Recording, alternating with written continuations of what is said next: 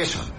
Son una energía que puede manifestarse de distintas formas, como los seres que vemos, como sus naves, como nuestros pensamientos. No es bueno ni malo. No tienen el concepto de bondad o crueldad. No pueden ver más allá de la unidad de esa energía.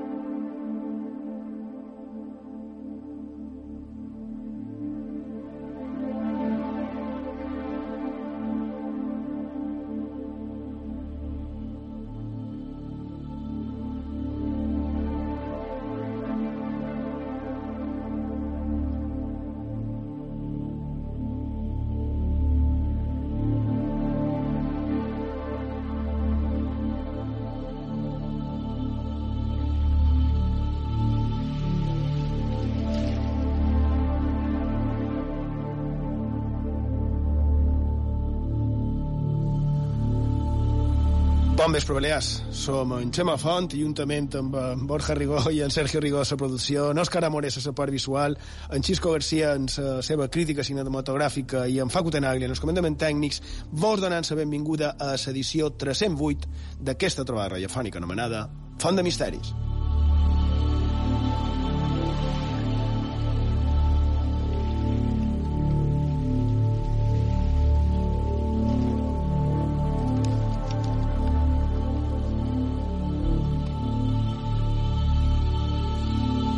Salutacions des de l'espai Francesc Quegles, habilitat com a estudi de ràdio a la ciutat de Palma. Bon vespre, Sergio Rigo, des de la producció executiva en els estudis centrals i Vetra Ràdio. Hola, bon vespre, Gemma. Mm. Com va? Ara sí, ara, ara t'he sentit. No un partit. Estem. Així m'agrada, fantàstic.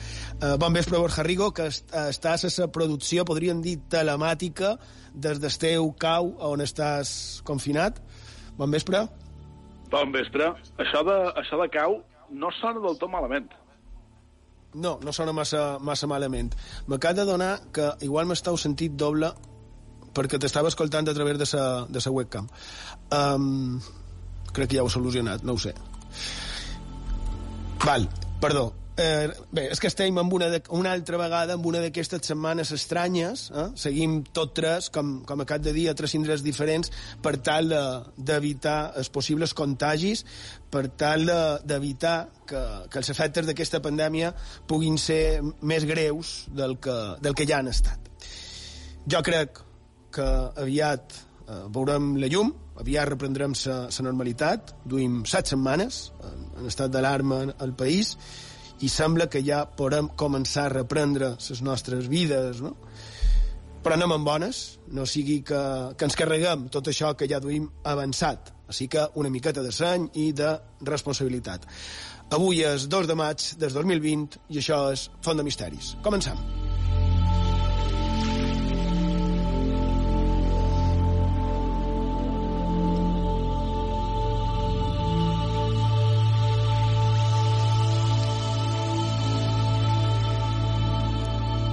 Jo crec, eh, Sergio, que podríem fer sumari i, i anar fent. Eh? Sumari i forma de contacte, Sergio Rigo.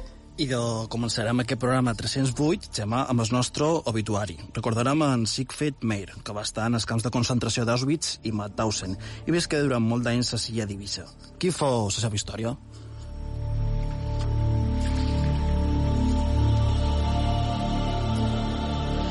A continuació seguirem xerrant de coses a fer durant aquest confinament a casa. Avui xerrarem amb el director de cinema, Marcos Callejo, i amb ell parlarem del seu curtmetratge Unes gafes.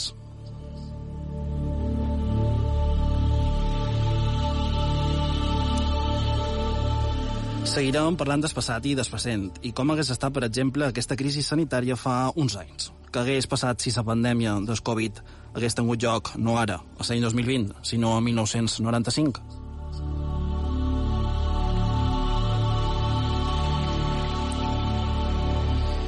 I en Borja també ens contarà una notícia que ha sortit per alguns mitjans de comunicació, de comunicació aquests dies i que ens parlaria de suposats albiraments en els nostres cels durant el confinament. On s'han produït, suposadament? Què diuen els testimonis?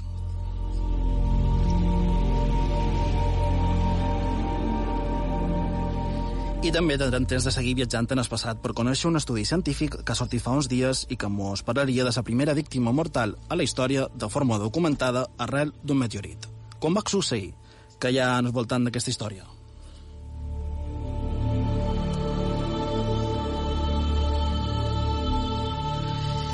I ja sabeu, mos podeu enviar tot allò que vulgueu, tant a Facebook com a Twitter, cercant Font de Misteris i emprant l'etiqueta Font de Misteris i Vetres. També esperam els vostres missatges en el WhatsApp del programa. El número de contacte és 659 769 52. Ho repetim, 659 769 52. I també el correu electrònic fontdemisteris arroba ivetresradio.com repetim, fontdemisteris arroba ivetresradio.com i ja sabeu, també mos podeu seguir en el compte d'Instagram cercant Font de Misteris i Vetres i vos recordeu que podeu escoltar tots els nostres programes a ivetres Radio la carta, a ivetresradio.com a la plataforma de podcast ivox.com i a la nostra plana web fontdemisteris.com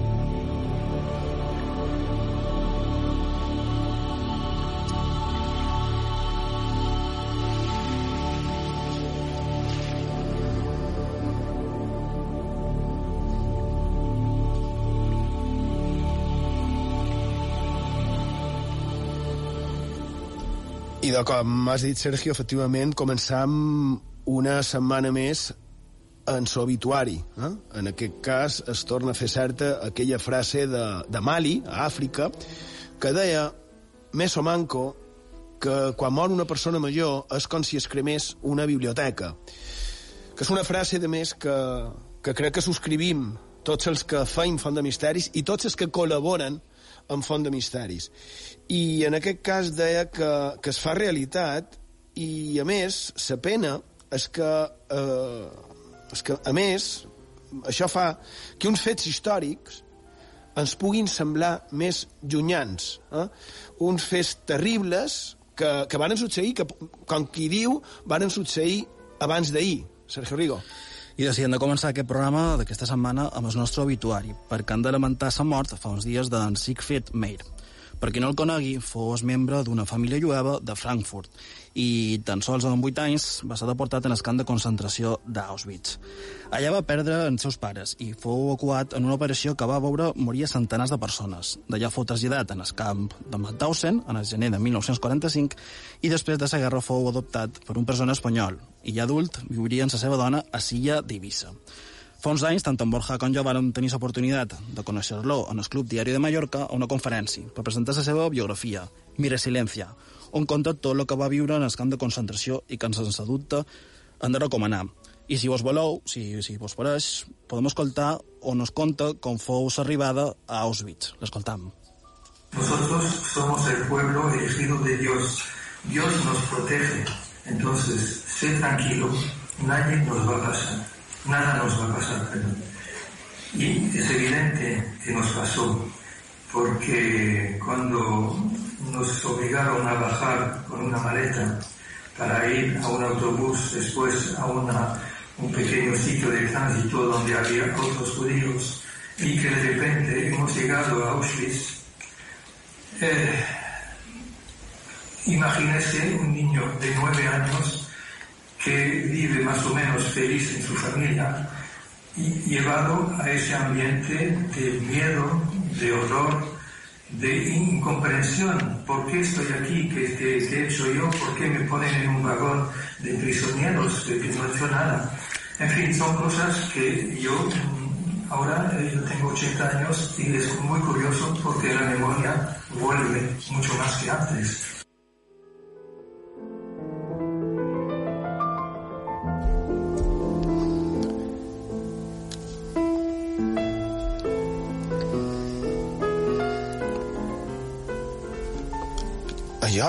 Allà personalment, el que més m'ha cridat l'atenció i, i m'ha semblat més fort és aquella sensació que ell tenia, que ells tenien, de que no els hi havia de passar res, de que no els podia passar res, no?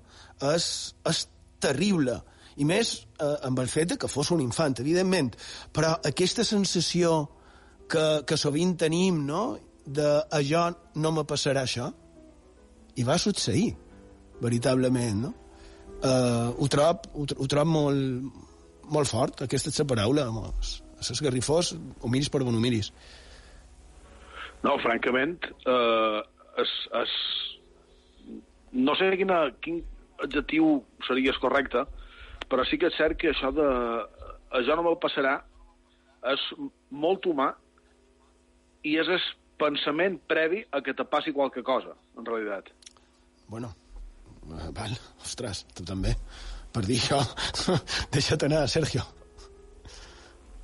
I ara escoltarem, si vos pareix, un altre tall. En aquest cas, en Meir mos connecta totalment amb un dels personatges més enigmàtics i també més terribles d'aquells camps de concentració, en Joseph Mengele, és conegut com a Àngel de la Mort, i com fou tot allò que va veure en el seu voltant.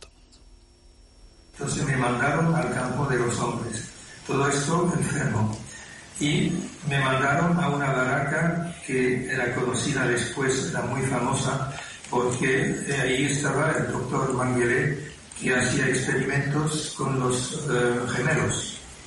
Y yo era un poco, no estaba muy consciente de lo que pasaba, pero me daba cuenta que estaba rodeado de gemelos. Eh, no sé, decía, ¿por qué me han puesto aquí?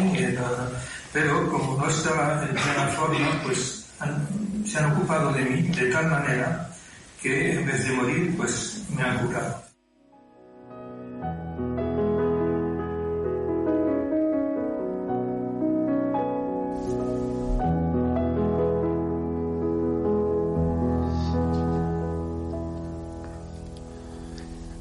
És que és, és verdaderament terrible i és el que deia també, no? de la part històrica també, de, història en mayúscules. Va estar amb en Mengele. Ell ha dit Mengele, jo pensava que era de Mengele. I jo no crec que fos mm, massa enigmàtic, Sergio, en, en Mengele. Era estrany. Uh, jo crec que Sí, jo crec que se, ho podrien definir amb altres adjectius. Tal vegada ser enigmàtic per la seva fuita, no? quan va fugir i es va amagar per, per Sud-amèrica per tal de, de no ser jutjat. Però imaginem això, no? estar en el barracó on eren els bessons. I després també pot haver qui s'estranyi de que aquest senyor, en, en Meyer, no volgués recordar massa el que va viure durant aquells anys. No? En Mengele, per, per qui no ho sabi, era un metge que durant la Segona Guerra Mundial es va dedicar a experimentar amb éssers humans, entre d'altres també en germans bessons, i què feia? Quins experiments feia? I de molt, molt resumit, comprovar les diferències que hi havia entre un i l'altre en funció de les barbaritats que els hi feia. I vos puc garantir que eren aberracions de, de les més terribles i ferestes, d'una crueltat increïble, com canviar el color dels ulls per aconseguir menys, si pot aconseguir que tinguin els ulls blaus, per exemple, i, i fer-ho mitjan injectar el primer que pensés que, podrés, que pogués funcionar, no? O comprovar la resistència a la calor de l'ésser humà posant a bullir persones comprovar la resistència a malalties, inoculant virus tipus eh, malalties tipus es, es tifus, i bé, eh, d'altres que crec que és millor que, que deixem córrer. I, I bé, crec que estareu d'acord en que amb Mengele, diguéssim, és el que va agafar sa fama. Eres més reconegut d'aquests metges que feien experiments terribles i, i, i farestos en la població, però, per exemple, també podríem recordar eh, Nari Bertheim, no sé si el teniu a mà, perquè aquest senyor també va ser un desconegut com a doctor mort, també va estar rondant per, per Mauthausen i va morir no fa tant, va morir a l'any 1992. Bé, en, en en Mengele crec que és el 86 que va morir. Diuen, diuen que va morir, que després varen dir que era ell que el varen trobar ofegat a una platja en el Brasil si no record malament, estic parlant de memòria. Um, Sergio. Bé, jo, jo m'ho vull quedar repassant aquests dies eh, el llibre d'en Meir amb un paràgraf de la seva autobiografia com es pot servir fent tecnologia de l'important que és la memòria, no? i recordar tota aquesta gent que va patir injustament aquesta estada en els camps de concentració. Durant el llibre el protagonista puja cap a dalt Vila, d'Eivissa, en un moment determinat y diu Me divierte pensar que estas piedras, que llevan aquí tantos años, infinitamente más que nosotros, seguirán en el mismo sitio cuando nosotros ya nos hayamos ido. Pero recordarán, junto con otros miles de millones de pasos, los dedos extraños cogidos del brazo cruzando el arco de la entrada a la ciudad vieja, como un peregrinaje hacia el pasado.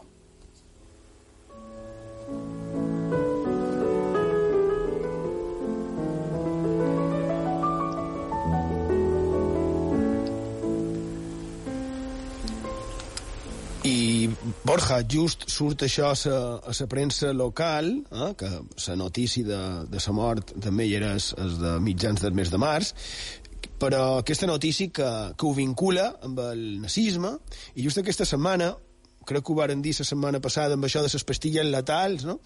que es commemora el que seria el 75è aniversari de la mort d'en de, Hitler en el, en el búnquer de Berlín, no? I doncs sí, efectivament, el passat dia 30 se complien 75 anys de la mort per altura, suposada mort d'en Hitler.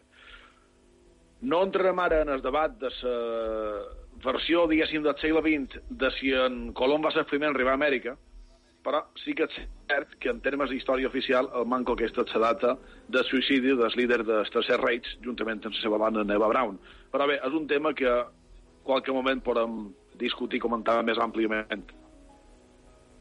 Mm, sí. Bé, i deixem això, aquest tema per, per, un altre, per un altre dia. Um, ara, ara estic recordant. Crec que avui, just avui, fa cinc anys juts que vàrem parlar del búnquer d'en Hitler en Eric Fratini. Pot ser, I sí. me'n record, sí, per, sí, sí. i me'n record perquè el dia abans vàrem tornar de, de Barcelona, tot tres, perquè vàrem anar amb els de Ràdio Sessió de Catalunya, i me'n record perfectament per això. Justament avui hem tornat a parlar d'aquest tema cinc anys just després. I com, quan parlam d'en Hitler, eh, i sempre m'agrada relacionar-lo amb les nostres illes, podries fer un resum molt breu, si vols, Sergio Rigo, de la possible relació, la possible vinculació d'en de, Hitler amb les nostres illes que vares trobar. I doncs, Xema, fa, fa uns anys, ja ho hem comentat qualque vegada, aquí a Trescant, per un arxiu, vaig trobar retall d'una revista molt sorprenent. El titular era molt clar. Adolf Hitler pintó el patio de la casa Oleza. El manco així de rotund ho afirmava la revista Sovint, en el seu número 9 de l'any 1984. Y deia, la noticia, que sepamos, es inédita. Hitler pintó el conocido como patio de Casa Oleza, en la calle de Morey, según lo atestigua un irrefutable documento gráfico que aportamos, y que ha, ido extraído, ha sido extraído de un libro publicado en el año 83 en Alemania. Este descubrimiento plantea la hipótesis de si Hitler habría visitado Mallorca en alguna ocasión, aprovechando la circunstancia, para dibujar uno de nuestros patios más característicos. No parece, sin embargo, probable, y si carecen de noticias, que apuntarán esta posible estancia mallorquina del dictador alemán. ¿Cómo ha sido posible entonces este dibujo, por lo demás, de bastante buena factura? La hipótesis más probable es que se tratará de alguna postal, que por cualquier circunstancia cayera en manos de Hitler y atraído por el motivo de la misma decidiera, decidiera pintarla. En cualquier caso, ahí está un dato de nuestra pequeña historia desconocida hasta el presente.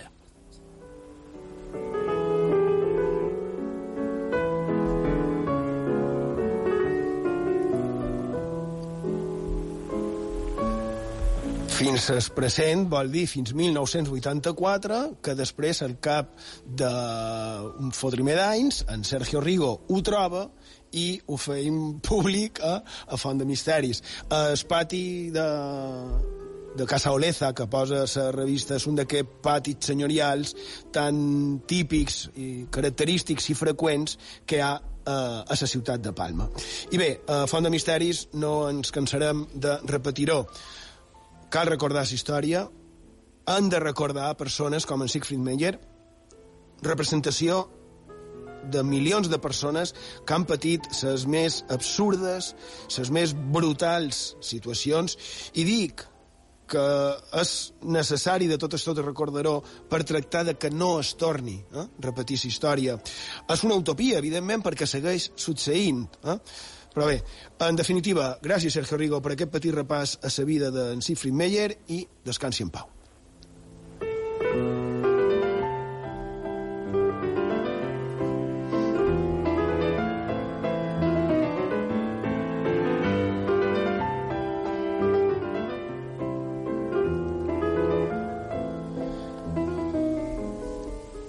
I d'ara, si vos sembla, feim una petita pausa i tot d'una continuam a Font de Misteris, a IB3 Ràdio.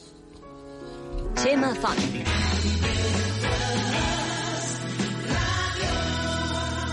Font de Misteris. Rigo, saps a quina zona del teu cos tens més sensibilitat? A l'escoi? T'equivoques. En el dit petit del peu. Dissabte a les 11 del vespre, no apaguis el llum. Amb Maria Rigo i Joan Guillem Jaume. L'actualitat més pròxima, la veu dels teus veïns, els temes que te toquen de més a prop, ara, més prest. En temps del Covid-19, les edicions insulars del Dia Illes avancen la seva missió a les 11 i quart. El Dia Illes, amb Laura Tur, Pere Begur i Rafael Gallego, de dilluns a divendres a les 11 i quart i, quan vulguis, al servei de ràdio a la carta d'IV3 Ràdio. TV3 Ràdio. A Andratx 89.2.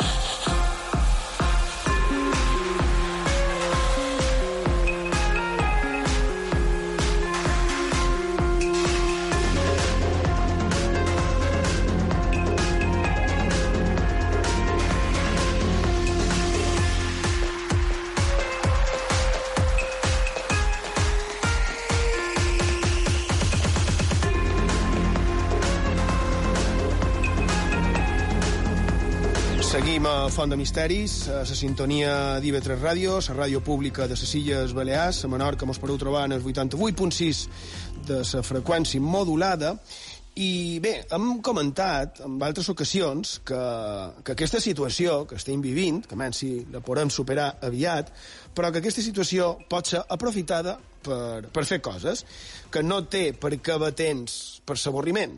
Mm? Això ho vàrem parlar amb el nostre amic i col·laborador, el psiquiatre Joaquín López. També ho vàrem estar parlant amb Judit, de, directora de la UNED, per mort dels seus cursets, que per cert sembla que han estat un èxit, eh, pel que hem vist, i si voleu comentar-nos el que heu assistit, men que vos ha trobat, el vostre parer, etc. Eh, Sergio Rigo, podries donar les formes de contactes, WhatsApp i el correu electrònic, per si mos, qualcú mos vol comentar què, què li va semblar eh, aquest cursets de la UNED? I de, tenim el nostre WhatsApp del programa, que és 659 16 69 52. 659 16 69 52. I també és correu electrònic, fondemisteris, arroba ib3radio.com.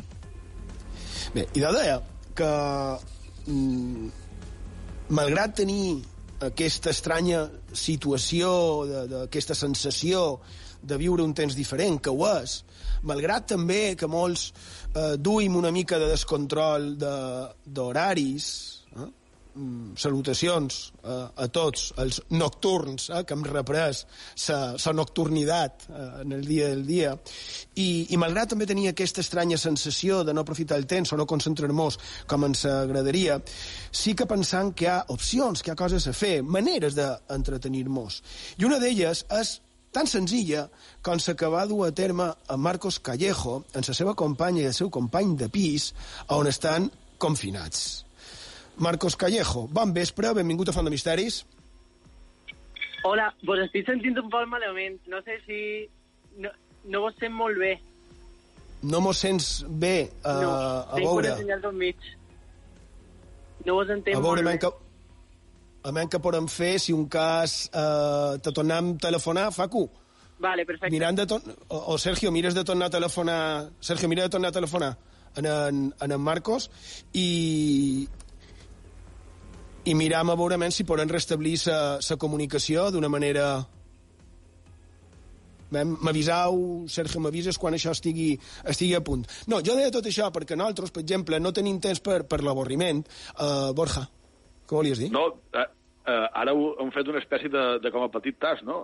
Què mos l'ha contat en Marcos? I tal? Ah, no ho sé, misteri. Ara hem de- hem d'esperar. De, Jo perquè ja sé que Exacte, és la història, sí. però m'he quedat un poc intrigat. Clar, sí, no, no, no, és que si no ho saps tu també estim, estim arreglats, no? Però, però sí, que, sí que és vera que aquesta sensació de, de, perdre, de perdre una miqueta el temps, que nosaltres és que tenim aficions, i una afició tan senzilla, tan fàcil com és eh, la lectura, clar, no tenim, o jo no tenc aquesta sensació de perdre massa temps. Sí, ja ho vàrem dir amb, amb en Joaquín López, la sensació de, de no aprofitar-ho com toca, de no estar massa concentrat, etc. no? Que jo crec que també, ja ho vàrem comentar, és una miqueta eh, habitual i, i normal el poder tenir aquesta sensació. Però, però sí que la idea d'en de Marcos, que, que en el seu cas és diferent, però que també pot ser aprofitada, jo crec, per, per molts.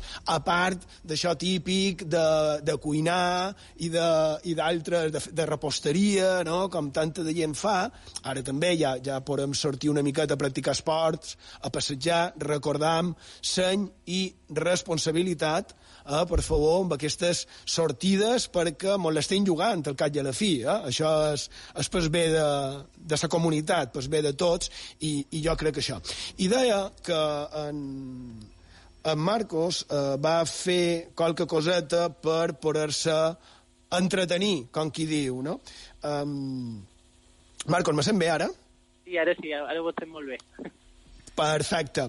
I de, clar, tu, és que, és que tu tens una mica més de, de facilitat, o no, que, que els altres, perquè encara que siguis ben jove, ja tens un, un bon grapat de reconeixements per la teva filmografia. Eh? Tu ets director de cinema, professional, i, i bé, ens agradaria que ens contassis una mica què és el que heu fet per entretenir-vos aquest període de confinament en el vostre pis de Madrid. Val. Pues bé, bé, això de professional, bueno, en camino de, en camino de, direm.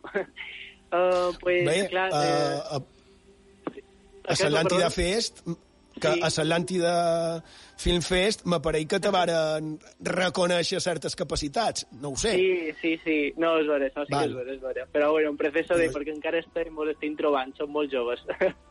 Però, bueno, sí, la cosa és que Sí, aquí estem aquí a Madrid eh, bé en, enmig de tot, eh, de tot lo, tot lo que ha passat, és epicentro d'Espanya de- de- d'on ha passat tot el tema del virus. I, i justament, clar, va, ha, ha coincidit que na Carla i jo, que na Carla és la meva companya amb la que sempre feim eh, tot el tema de les pel·lícules, els curtmetratges, eh, va venir a viure aquí a Madrid i se va trobar tota sola a casa seva i li varen poder, poder acollir aquí i hem, hem, hem, hem conviscut junts aquests dies. Um, I la sort és això, que nosaltres som creadors i sempre estem fent coses i clar, en el confinament era com, ostres, tenim massa temps lliure, o sigui, no podem estar aturats, o sigui, és impossible que el món s'hagi aturat i que nosaltres ens aturem també, sempre hem, hem d'estar fent coses. I varen dir, vinga, anem a fer, anem a fer alguna cosa. Escolta, i si fem un curt? I varen dir, ostres, estaria molt guai, però clar, no pot ser igual que el que hem fet fins ara, perquè clar, ho, planejàvem amb molt de temps, teníem molt d'equip darrere, l'estrena estava molt programada i varen dir, bé, ho farem per Instagram, ho farem per Facebook, només perquè la gent s'entretengui un ratet, nosaltres sobretot ens entretenguem un bon rato i ho passem bé i ja està. I la cosa és que varen començar a fer-ho i varen pujar un parell de, com deies, cartell, no? Varen fer com un cartell així per escurt, uh, varen penjar una escena i la gent estava responent superbé, varen dir, ostres, tio, perquè no feim guai i, i feim com una data d'estrena i tot això. I, i en el final pues, mm, ha tingut molt bona acollida. O sigui, en una setmana té ara més de 1.300 reproduccions entre Instagram i Facebook, uh, i, perdó, Instagram i YouTube. I bé, ha estat un poc aquesta locura de dir, bé, què fem? O sigui, no podem contar una altra història que no sigui dins d'aquestes quatre parets i d'aquí és on ha sorgit la història d'unes gafes. jo he de dir que, que ho sabia perquè, bé, a part de que tenim, tu i jo tenim relació, eh, Sí. eh, mitjans, mi, mi, mi, mitjan missatgeria, evidentment, Sí. perquè estàs a, a Madrid i tal, però sí, però sí que també l'he vist, me va agradar i me va dir, escolta, això ho han de dir a la ràdio. Uh, I ara el que mos podries dir és donar quatre consellets per perquè hi mos estigui escoltant i pensi, uh -huh. jo també ho vull, ho vull intentar, això, perquè jo amb el mòbil puc gravar, no? Quatre consells senzillets uh -huh. per, per, per, perquè qualcú que mos escolti que, que mai s'hagués aturat a pensar i per què no ho puc fer jo, un curtmetratge? Clar. Val? Pues mira, I d'això. jo crec que uh, és aquest moment on tothom se situa en el mateix punt, que moltes vegades diem, ai, tal, no sé, no sé si fer un curt, perquè clar, ho he de fer bé, de tenir els mitjans, tot això, i nosaltres vam dir, mira, és igual, si tot el que hem fet tenia un nivell, és igual perquè ara tothom està en el mateix nivell que es- està a casa seva amb un mòbil. Nosaltres teníem una càmera, però és una càmera de fotos, vull dir, uh, aprofita, o sigui, jo diria això, com aprofitar uh, la situació que la que hi ha, que justifica molt bé el format uh, i que dona moltíssim per la creativitat, que, que és com a en les pitjors situacions és quan més creativitat surt, quan, quan te, les, te les has de cercar perquè se, se, se, el missatge o la teva història que vulguis contar surt. Així que és com a zero pos, uh, cull el mòbil, cull els mitjans que tingui, tothom té un mòbil avui en dia, fes una idea que, que, que surti de dins tu perquè tothom està visquent el mateix, tothom s'hi sentirà identificat i, i, i bé, conta la teva història i conta el que tens tu davant, que és superinteressant el que, lo que passa a cada casa. Això és el que diria, que tothom ho pot fer que- perquè tothom està en el mateix. Efectivament, i també el que t'inquieta. I a més que ara amb aquest temps de confinament, a part de que després forma part de, queda com a part de la història, eh, uh -huh. també està que se pot fer diguéssim, una mica també sense tant de recursos, com has dit tu, perquè encara que sigui després que es vegi, se sabrà que se va fer en aquell moment d'aquesta manera, no? A nosaltres Això mateixos mateix. ara mos ha passat, o sigui, ara nosaltres eh, estem mm, tot tres, en Borja, en Sergio i jo, a diferents indrets, mos han de fer senyals, mitjans webcam i coses així, que es fa estrany, es fa raro, Clar, però, clar, però clar, eh, són, són les circumstàncies que tenim i les hem d'aprofitar, no? Jo crec que és això. I més, el teu curtmetratge, que la veritat és que heu emprat poc, pocs objectes. Eh? L'ambientació l'heu feta molt bé dins un pis, però objectes com a tal, ben pocs. I el guió, eh, en principi, el pot complicar i el pot treure el simbolisme que vulguis, però Mhm. és senzill. Això mateix, sí, sí. I les escenes també, vull dir, tampoc... I, i bueno, tu ho, hauràs vist també, quasi zero diàleg, vull dir... Per el tema del so també pot comptar sense haver de necessitar un equip de so. Vull dir, és això, la creativitat pot prendre la forma que sigui. Jo crec que aquí és on està lo interessant. Exacte. I de Mhm. qui vulgui veure la darrera obra, la darrera producció de, de Marcos Callejo, simplement aneu a YouTube i poseu unes gafes. Així, com, son, com sona? Unes gafes. I serà, no sé si ho has vist, Marcos, però jo ho acabo de fer, i és el primer... Eh, la primera resposta que te dona és Mhm. unes gafes, cortometraje en quarantena, eh? Ah, de Hope bé. Productions, eh, Ajá. exactament, i eh, posa una chica aburrida en cuarentena recibe un paquete anónimo que contiene unas gafas de sol. Eh? I aquí començaria. I ja molt ràpid, eh, Marcos, que propers projectes, mos pots adelantar qualque coseta? A part de Sí. Retorno, de Mamà i, i les teves obres, que més tenim Sí. pendent? Que has de fer? Pues, bueno, uh, bueno, Retorn i Mamà estan a Filmin, perquè ara tothom té Filmin, tothom s'ha fet Filmin per aquests dies, o sigui que si els volen veure també estan allà. Uh, Correcte. I propers projectes, uh, bé, ara jo estic... Um, fa dos anys quasi vaig començar a escriure un llargmetratge, i, i aquest és molt personal, molt, molt personal. Estic fent molta feina damunt d'aquesta història, uh, l'estic treballant molt, moltes personatges, els diàlegs, les escenes, perquè vull que estigui molt ben feta, és algo molt personal, és una història que succeeix a Mallorca, i a poc a poc va creixent, va prenent forma, i espero que d'aquí X temps, no sé quan serà, quan se podrà fer, perquè també tot això ara està molt aturat, així Clar. que tampoc sé quan se podria fer, però mm, el que sé és que sempre volem avançar en la nostra feina i, i ara ho estic fent i estic molt content amb aquest projecte que sobretot el que el caracteritza és que no té res a veure amb tot el que hem fet que bé, tu Xema mos has entrevistat altres vegades i saps que sempre feim sí. fantasia, ciència-ficció un poc en, amb, amb això, no? O sigui, no deixa de tenir sí. la mateixa màgia, el que estic fent, però és eh, costumbrista, molt personal. Eh, és una història molt llarga, vull dir, és algo molt nou i tinc moltíssimes ganes de fer-ho. Així que amb això estic fent feina aquests dies també i de quan ho tinguis una miqueta més engirgolat, com he dit uh mhm. -huh. abans, que estem en contacte, i de no mhm. dubtis, eh, la, la ràdio pública està a la teva disposició, i si eh, tractes temes d'aquests que mos agraden en els friquis de Font de Misteris, i de, -huh. també ho comentarem en antena, cap problema. Vull dir, ara eh, en Borja i en Sergio diuen que si en sóc capat, m'entens? Que bé, o sigui que bé. I d'això. Bueno, uh, Marcos Callejo, moltíssimes gràcies. Uh, seguim Moltes en contacte. Gràcies que, que passi tot això aviat i això que mateix. puguem seguir fent molt de projectes realitat, que segur que serà així, vale? Això espero. Una ferrada ben forta. Gràcies. A tu, Adéu. fins aviat. Adéu, fins Adéu.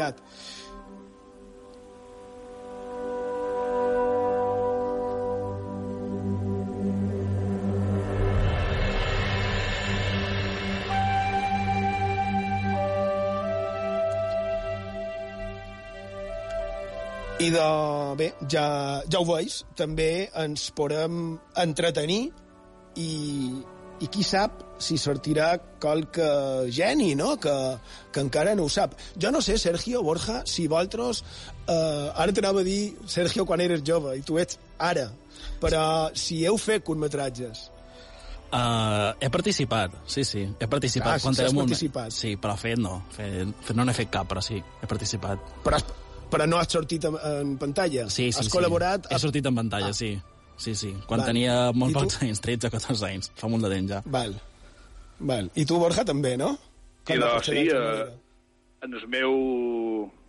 La meva compte de YouTube, la meva compte personal, cor per allà un, un curtmetratge que se diu El hijo de Binah, Binah com a, sa, com a coneixement dins la cava la jueva, i és un, sí. és un curtmetratge que, per cert, enguany ha complit, si no recordo malament, 10 anys. Uh, si hem de parlar d'anys, jo crec que a lo millor m'hauria de callar, perquè l'altre dia me varen dir que havien penjat un, en el que jo estic, de YouTube, que, que ha fet 25 anys, ni més ni manco, quasi res.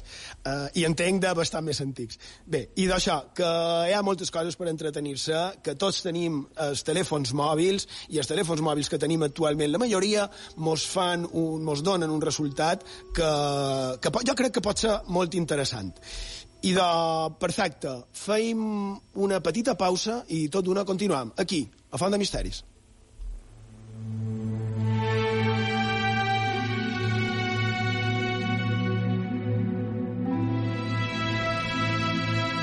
Misteris i llegendes a Font de Misteris, amb Xema Font.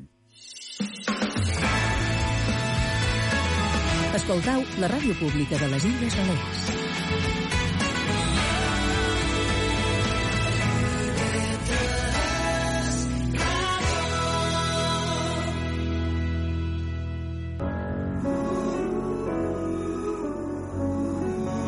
Deia Diògenes que la cultura és un saber que flueix espontàniament. Si acabeu d'arribar a casa, us ve de gust estirar-vos sobre el sofà i relaxar-vos, Nura és el vostre programa. Tot el que voleu saber sobre el món dels llibres, la història, l'art o el patrimoni. Una temporada més i esteu convidats. Nura, dimarts i dijous a les 10 del vespre a IB3 Ràdio.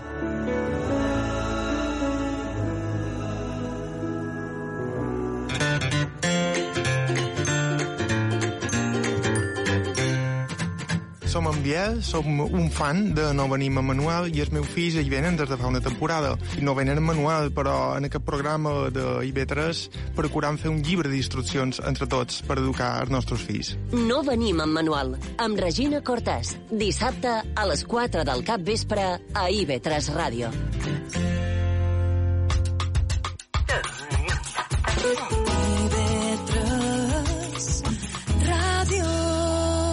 Es memòria.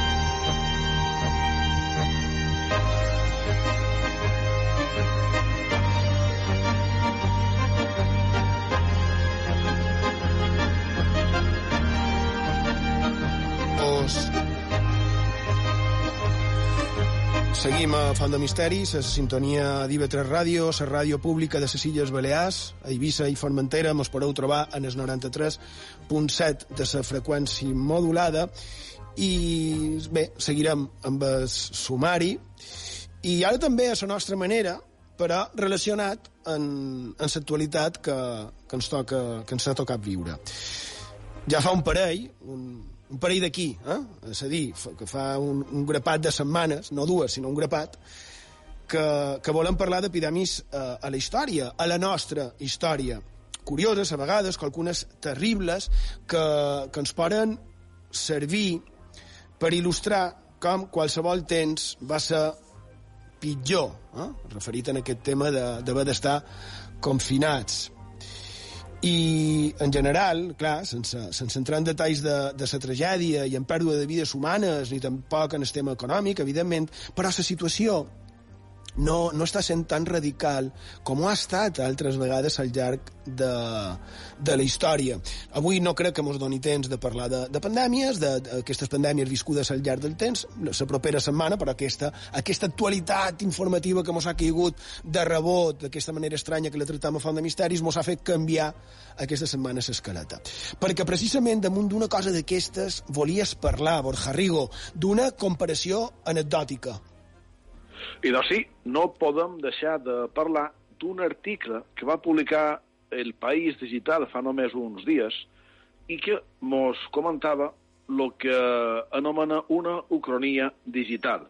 Què hagués passat si la pandèmia del Covid hagués tingut lloc no ara, a l'any 2020, sinó a 1995? Crec que estareu d'acord en que és una reflexió ben interessant. Per començar, en 1995 la globalització ja existia, certament, però ni tan fora en el nivell d'ara. De fet, els experts parlen de que estem de ple en l'anomenada tercera globalització.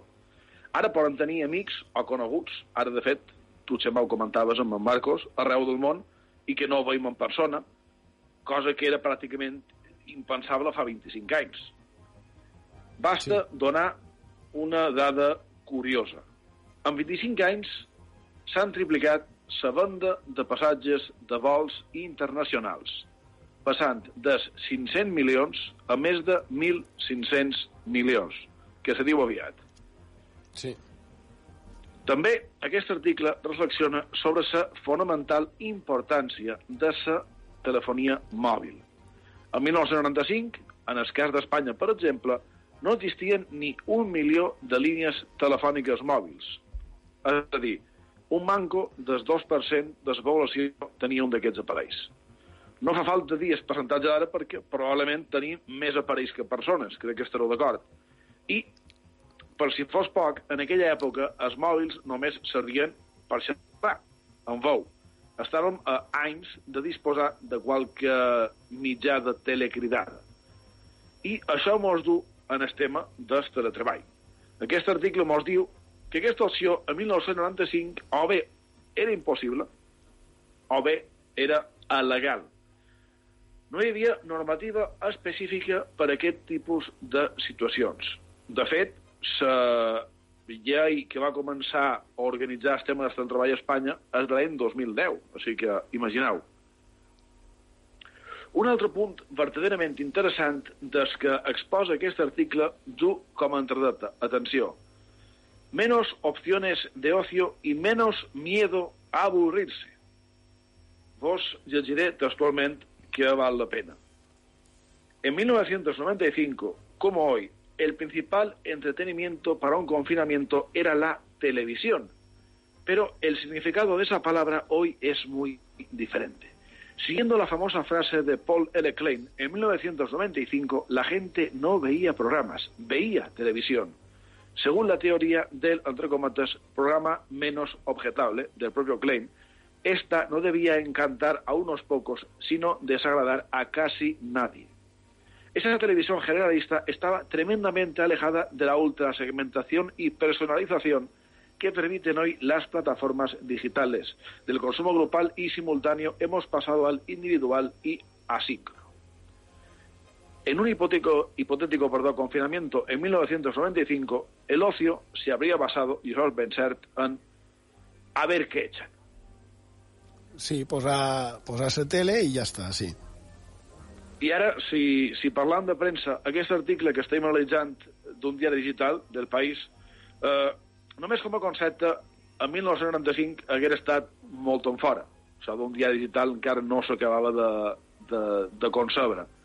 En aquells moments s'haguessin produït les mateixes coes llargues que, que veiem en aquests primers dies d'aquesta crisi del Covid en els supermercats, però el cas de l'any 1995 hagués estat per comprar diaris de paper. Una imatge, i això ho dic a títol personal, que s'ha perdut i que no se recuperarà. Sí, jo, jo crec que, que sí que, que, que s'ha perdut, de, de, de ple s'ha perdut. Mm, parlant de, de paper, mm, estàs parlant, mos estàs parlant de, de l'any 95, de eh, que el País Digital fa una comparança de com hagués estat aquest tipus de confinament en lloc de l'any 2020, l'any 95. Um, vos he de dir, a nosaltres que m'agrada tant el paper i això, que t'hem preparat, i encara no vos he dit, uh, una revista de l'any, d'aquell any, que parla de com seria el món l'any 2020. Val? Uh, I s'apareix o no s'apareix? És el contrari de lo que estem dient. No. Bueno. El resum, no però ja ho contarem, ja ho contarem a, a Font de Misteris. I l'altre dia la, la vaig trobar, bé, amb els caramullets de paper, i de, surten aquestes coses.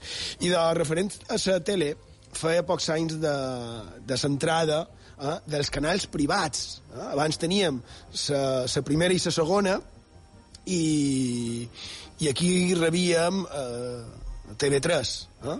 No, no existia encara, per exemple, no existia IB3, que de fet avui es compleixen 15 anys de sa, del primer informatiu emès per IB3 Televisió, eh? i de fa 15 anys. I estem parlant de, de fa 25, no? I de...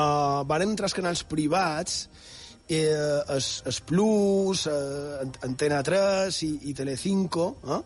això feia cinc anys que existia, i just en aquell moment, aquell any, era quan va començar Canal Satèl·lite, que era una cosa que mos tan llunyana, eh? res a veure, com deies, amb el que tenim ara, sens dubte. I tampoc estaven popularitzats, si no recordo malament, els SMS, Source Message System, eh? missatges de, de text, no a través d'internet, sinó aquest de, de text, que ara darrerament empleen una altra vegada les grans empreses, i a vegades les petites, per enviar-nos publicitat. No? I, I és que aquell any de 1995 només podíem com deies, telefonar amb el mòbil, que a més eh, només se eh, establir la cridada, eh, el canvi devien ser prop de dos euros d'ara. Eh? Només establir la cridada, que a més eren de la companyia Moviline. No sé si, Borja, si tu recordes, Moviline. Perfectament, eh, sí, sí. I, i la marca actual que, que dona nom a l'antiga companyia telefònica espanyola encara no, no existia o estava a punt. De fet, has dit eh, d'aquestes cridades, videocridades, etc en aquell any era quan va començar més o manco la RDSI, però que encara no era quan començava a, a funcionar, és a dir, que encara pot ser que no s'hagués fet cap instal·lació, no? Crec que és molt curiós i també m'ha cridat molt l'atenció per malament això que has dit dels diaris, de la premsa. I de, i de sí, de fet, per exemple, eh, també se podria comparar el que dèiem, el que contàvem fa una setmana de, del diari del Titanic, no? També, aquella, aquella foto... manera de... Efectivament. Sí, sí, sí. Clar, és, és cert, però bé, allà sí, bé, però t'has anat un segle enrere, ara, tu també, eh? Sí, però, però sí. han, de, han de ser conscients de que mm, certes coses eren pràcticament idèntiques encara a 1912 i a 1990, com aquell que diu. I hi ha coses que no havien canviat tant. Com aquell que diu, seria un altre debat. Segueix en 1995, si vols. Bé, ara, si voleu, passam a, a dos punts que, que mos toquen de prop i que més han comentat altres vegades. Què passava en la ràdio fa 25 anys? Com s'hagués tractat aquesta pandèmia? Aquí no podem parlar, evidentment, de més o manco rigor informatiu, però el que sí és ben cert és que l'oferta a aquest estat era, de fet, molt, molt menor. De fet, eh, faltaven molts anys per la ràdio en streaming o per podcast. Hem de recordar que una de les primeres ràdios de podcast a Espanya va ser Crònica Ràdio, aquí a les nostres illes, a Mallorca i a Palma, i se va posar en marxa l'any 2005. Imagineu, encara faltava molt. I les fake news, en parlant sovint, a Font de Misteris, i això, per desgràcia, no hagués canviat tant. També s'haguessin publicat i també se n'hagués fet difusió. De fet, aquest article fa una curiosa referència, diu También habría fake news, aunque las llamaríamos solo noticias falsas. De hecho, la gripe española del 18 debe su nombre a la manipulación informativa que impidió que la información sobre la pandemia se publicara en los países que combatían en la Gran Guerra. Los medios españoles, con la neutralidad de su país en la contienda, fueron los primeros en el mundo en escribir sobre el virus y dieron así nombre a la epidemia para siempre. I per això Seran... també de donar nom a l'epidèmia, eh, que tingués el nom d'espanyola, eh, ara tots, quan parlam de la que tenim actualment, de, del Covid-19, eh, a tots se mos ve el nom d'una ciutat xinesa o d'una una província xinesa. Eh? I, o sigui que també, jo crec que eh, hi ha la tendència a posar-hi posar els noms, no? No, això, això és evident, però la gran diferència del que ara seria s'anul·la pràcticament presència d'internet a Espanya i, clar, la no existència de xarxes socials on difondre massivament certes barbaritats. Que això tal vegada ens permetria eh, viure una miqueta més tranquils, sense haver de, haver de contar totes aquestes coses que són falses, que han d'anar alerta també amb el que compartim. Només per un exercici de responsabilitat, ja ho vaig dir en el seu dia. Jo el que penso és, si no m'ha de reportar cap benefici ni a jo ni a qui ho rep, per què li he d'enviar? I ja està, però bé. Segueix, de... que haurem de, si voleu, ja, haurem de donar sí. pas a, a informatius. Ja per acabar, un apunt sobre ciència, sobre, sobre com hagués avançat si haguessin tingut la pandèmia a l'any 1995. L'article cita a la catedràtica de Química de la Universitat Complutense de Madrid i el secretari de l'Estat d'Innovació, Ciència i Universitat, Ángeles Heras, que diu, atenció, hemos ganado mucho en inmediatez y facilidades. La red ha permitido colaborar y compartir conocimiento. A principios de los 90 teníamos un solo ordenador con email para toda la Facultad de Ciencias. En los congresos de cada, de cada área se trataba de coincidir con científicos que se conocían de los artículos y principalmente por carta. Yo empecé a colaborar con la UCM en el CSIC desde Córdoba en 1986. Visitaba el Instituto Rocasolano del CSIC porque tenía y tiene una de las mejores bibliotecas de física y química. Llegaba a Madrid con muchísimas referencias de artículos que fotocopiaba y me llevaba en papel a mi facultad de Córdoba. De tantos viajes y muchas conversaciones científicas, en 1990 me acabé trasladando a la UCM.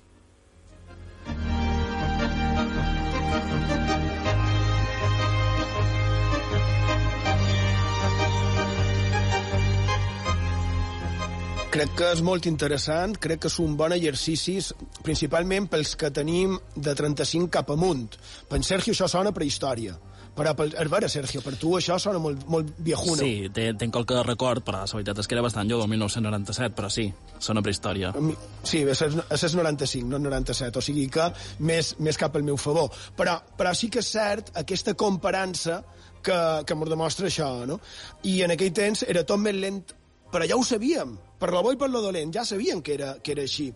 I, I jo crec que és bo que hi hagi aquesta interconnexió per, per això dels avanços científics, perquè així arriben instantàniament a l'altra part del món, um, també té la part dolenta que, que ja l'han comentada, però la veritat és que crec que no hi ha queixa de que verdaderament és una sortada, sens dubte, tenir el nostre abast eh, internet com a tal, no? I més amb aquesta fluidesa, amb aquesta rapidesa que, que la vostra, ja la vostra generació, Sergio, sí que no vos imagineu un món sense internet, un, un món sense mòbils. Clar, de fet, ara ho pensava i dic, ostres, ara, ara coneixem la gent sense, sense, abans de conèixer-la no sé si m'explic, abans havies de conèixer a la persona en persona, però ara coneixem a la gent de forma virtual.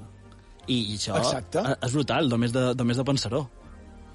Exactament, és un canvi social que, que jo crec que és important, i en aquest cas mos ha anat bé, perquè d'aquesta manera podem seguir socialitzant de, de manera eh, dinàmica, sense també massa problema.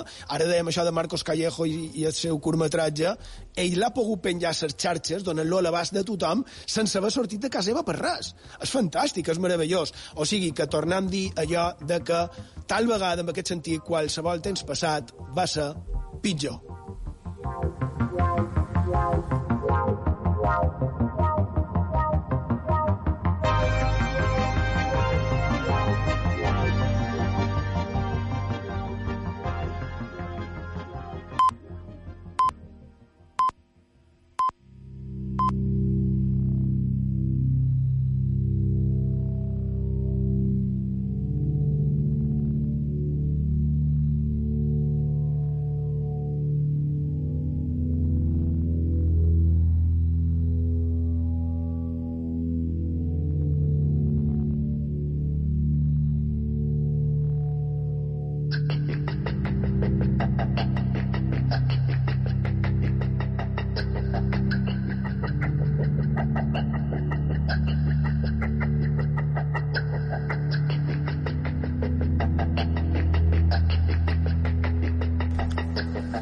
Seguim a Font de Misteri, la sintonia d'IV3 Ràdio, la ràdio pública de les Illes Balears. A Mallorca mos podeu trobar a 106.8 de la freqüència modulada i estem amb aquest període estrany, tot relacionat no? amb, amb, es, amb aquesta situació que vivim, amb el virus, etc. I, i hi ha altres coses que, que ens, també ens està deixant aquesta situació que estem vivint, són una major incidència o tal vegada podríem dir millor una major constància d'albiraments eh? fins, fins al punt que han tornat a sortir a premsa casos damunt d'això, que això sí que és una cosa que és sorprenent. Estic parlant de... estic fent referència a l'albirament de llums al cel. Eh? Hi ha altres coses també que s'han detectat, però això crec que ho deixem per la propera setmana. Però mm, vos faig un abans. Ja fa dies que li estic fent seguiment. Vos en recordeu que fa anys varen parlar d'un estrany fenomen anomenat de Hume?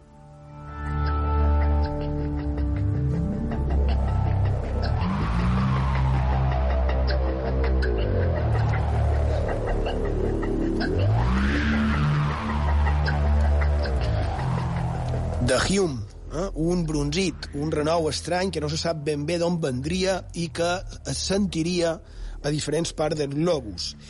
I de, hi ha testimonis arreu del món relatius en aquest estrany fenomen eh? que, que s'estan repetint, que, que estan tornant a sortir. És curiós, la setmana que ve, si un cas, parlarem d'aquests renous que es senten sense saber quin és el seu origen. Però ara parlarem d'una altra cosa. Borja Rigo, albiraments a la pandèmia. I doncs sí, és una altra qüestió interessant que la recollia el digital, en aquest cas de l'avantguàrdia, fa només uns dies. Fa referència a que durant la quarantena han estat notícia un grapat d'avistaments de llums estranyes al cel. De fet, el diari en recull fins a 25 diferents, la majoria d'ells amb explicacions i situacions també distintes. De fet, en podeu llegir alguns i després, si voleu, podem apuntar les possibles hipòtesis. Un diu, per exemple, se trata de un objeto visto en el cielo que brillaba como una estrella, pero mucho más intenso, y en cuestión de segundos cambió de tamaño. También se movía, no era algo fijo. Duró varios minutos. No fue cuestión uno ni dos minutos, alrededor de unos 30 minutos, incluso podría ser que más. Además, a veces lo avistábamos y otras veces no. Era así como si desapareciese y otras veces volviera a aparecer. Un cas del Moradí a Alacant. Un altre diu Nosotros vivimos en Camallera, provincia de Girona. Es un pueblo situado entre Figueres y Girona, cerca de la escala. La noche del viernes, entre las nueve y media y diez menos cuarto, desde el sofá vimos un resplandor bestial y salimos enseguida al jardín. Era una gran bola de luz roja que daba la impresión que estaba muy cerca, encima nuestro. se fue alejando y estirando hasta convertirse en una especie de estrella, que también desapareció en el horizonte. Iba en dirección sur-este. Era demasiado grande como para ser un avión, tampoco helicóptero, y no era ninguna estrella. Y se demana, ¿podría ser un dron? La verdad es que no tenía pinta, pero juzguen ustedes mismos. Y digo, adjunto vídeo que grabamos con el móvil. La forma del objeto era tipo bola de fuego, y eso es lo que nos llamó la atención. De hecho, digo, testimony, estuve pendiente de la tele ayer sábado a ver si alguien más lo había visto para ver si daban alguna explicación, pero no vi nada.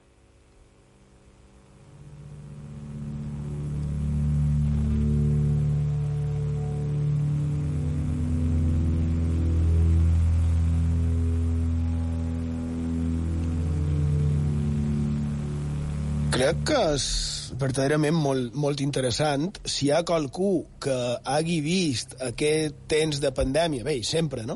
Però qualcú que hagi tingut cap albirament de qualque llum qualque situació que no tingui massa sentit, massa coherència, eh, Sergio Rigo, podries donar, si vols, les formes de contacte.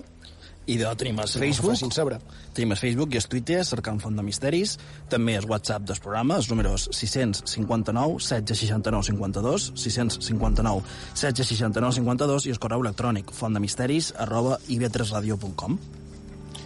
I de, és vera que té molt de, té molt d'interès, és molt interessant, però deu haver qualque tipus d'explicació, de, no? Uh, bé, sí, les diferents hipòtesis que se plantegen dins la mateixa notícia i també al peu de carrer les recollides són les següents. Per una banda, tenim la clàssica, que no necessàriament de l'encertada de l'Estació Espacial Internacional, la ISS. Aquesta explicació seria fàcil de comprovar a priori, ja que els seus desplaçaments són fàcilment detectables. D'altra banda, en aquesta ocasió apareixen dues noves possibles explicacions que, com dic, surten un poc de l'habitual en els casos d'avistaments de, de suposats ovnis. No fa referència, en aquest cas, ni a estels fugasos, ni meteors, ni meteorits, ni el clàssic Venus. Aquesta vegada no. Una d'aquestes noves aportacions teòriques, per així dir-ho, és que tot aquest grapat de llums estranys que s'han vist arreu d'Espanya durant aquestes setmanes serien els satèl·lits de comunicació Starlink, creats per la companyia SpaceX de Elon Musk. A priori, no és una explicació que se pugui rebotjar completament, però només explicaria alguns dels avistaments que s'han documentat aquests dies, i on es veia com una filera estranya de llums seguint d'una espècie d'ordre o, de, o de formació. Per altra banda, tenim l'explicació de que aquests testimonis són simplement l'avistament dels satèl·lits del projecte LUN de Google, també amb finalitats de comunicació i de millorar els enllaços i els repetidors de les connexions a internet. Altra vegada, podria explicar només una part del tot. I ara, si voleu, faré una valoració personal. Espera un moment, espera un momentet. Um, estàs parlant... Mira, jo... Uh, és casualitat, d'acord, però ho estic flipant, si me permeteu emprar la paraula, perquè si no vaig errat, ara heu sentit que movia papers i coses, perquè estava cercant una cosa que vaig fer fa un temps, no massa, ara mateix, ara mateix, per damunt del cel de les nostres illes, avui dia 2 de maig de 2020, a les 10 i 12 minuts, estan passant una de les fileres de satèl·lits de Starlink ara mateix, just ara, si el voleu veure, i no va xerrat, que crec que no, el podeu veure en direcció nord-oest cap a sud-est. Més o manco, eh? perquè ens entenguem, ara mateix, des de les 10 i 10 més o manco, fins a les 10 i quart, 10 i 18 minuts, crec que es podran veure. Jo no, aquí a on estem no, no, no deixaré el micròfon per anar a sortir a veure-ho i es veu com una filera d'estrelles que es mouen eh, gairebé en, en línia recta. I, i bé, eh, crec que és interessant, si qualcú surt a veure-ho, agrairien que mos ho contàs, però de, del projecte de Google, aquest que has dit de Google, és, és l'UN, es deia així, crec que no han parlat mai, però de Starlink sí que ja ho han fet qualque vegada, no? És, és, és, és aquell que, que ja fa temps que es sap, de, de, de Elon Musk, el de, el de Starlink, jo crec que és molt interessant. Escolta, una altra cosa, Borja, és casualitat o els casos en els que fa referència aquest escrit són només del llevant espanyol? Perquè has citat, un, has dit que n'hi havia diferents, però n'has citat a Girona, a Alacant, a la comunitat valenciana, Catalunya, però són només de, del llevant espanyol o... No, no, no me diguis sense cap, perquè això és la ràdio. No, uh, realment uh, he agafat un parell que geogràficament mos tocaven un poc més de prop, que pegaven, diguéssim, cap al Mediterrani, però en realitat n'hi ha per tot, hi ha per tot Espanya, i com de eh, aquesta informació de l'avantguàrdia en recull fins a 25, que ja n'hi ha, en un període d'un parell de setmanes només, o sigui que realment hi ha un bon sortit per, per trescar i per investigar per tot arreu. Val. I bé, jo t'he teat quan volies fer una valoració personal, però he pensat que eh, informativa, si m'ho permeteu dir així, per la coincidència i la casualitat una altra vegada, de que just el tinguem ara eh, passant per, per, per damunt nosaltres, no?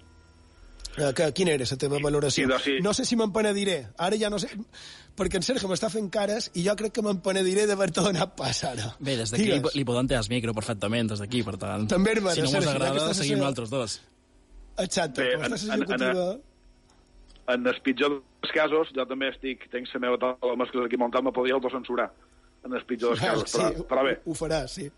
Digues. Bé, eh, és tendència, crec que estarà d'acord, és tendència actual el fet de ficar tots els avistaments eh, recents, o manco bona part d'ells dins aquest sac de satèl·lits, siguin de Google o siguin altres, però, honestament, m'apareix, no tots els casos, clar, perquè és cert que se tenim a l'espai, de fet, ara estan damunt nosaltres, i, i que volen, i que poden dur a confusió, que s'està convertint en l'excusa moderna que substitueix en els famosos globus sonda, que també també coneixem tots aquells que ens dediquem a trascar la casuística ovni des de mitjans segle XX. Aquells globus meteorològics que servien per desmentir pràcticament tots els avistaments d'ovnis durant una bona època. Concretament, a partir del cas Roswell des l'any 47, més o manco. Sí, Bé. que la premsa va dir és que hem d'explicar un poc aquestes coses perquè tu dius Roswell i, i te quedes tan a ple. Uh, el cas Roswell de l'any 47 és que es diu que va caure un objecte volador no identificat que la premsa va dir que era d'origen extraterrestre, que fins i tot havia hagut, uh, que havien agafat uh, extraterrestres, les conegudes autòpsies, etc. però Després, el dia següent, varen anar uns militars, sembla, i varen dir, no, no, això era un globus meteorològic, i fins i tot el varen mostrar, no? Aquesta és història de Roswell. Segueix, perdona. I de, ja per, per acabar amb aquest tema, i fent una mica més, si voleu, de, de crítica, el diari recull les aportacions d'un divulgador, no fa falta dir el nom, que no perd l'ocasió de carregar, com tantes vegades s'ha fet, contra aquells que ens dedicam a aquestes qüestions dels misteris, fent afirmacions com, atenció, ante este tipo de eventualidades que tan pronto se viralizan bajo el lema de I want to believe, lo mejor es invitar a la población a que utilice cualquiera de las muchas herramientas gratuitas que hay para conocer el cielo. Cabe sí, destacar... Uh, perdona, perdona uh, I want to believe és uh, la frase que sortia a la sèrie Expedient X, uh, on la gent Mulder uh, ho tenia en el seu despatx darrere d'ell i vol dir vull creure, perquè Mulder cercava motius per seguir uh, trascant perquè volia creure, no? Es, aqu això és aquesta. I aqu això de les ferramentes que diu gratuïtes per conèixer el cel efectivament i evidentment és una de les que jo he emprat per saber que ara mateix han acabat de passar aquests satèl·lits. Eh? O sigui que, com a puntualització, si m'ho permets. I de, i de sí, ben, ben cert, però aquest, aquest divulgador també a, a la informació de l'avantguàrdia porta un, un gràfic y diu, cabe destacar que en este gráfico no aparece por ningún lado la palabra ovni. La razón es sencilla. Este es un gráfico para identificar objetos y un ovni, por definición, és algo que no se puede identificar.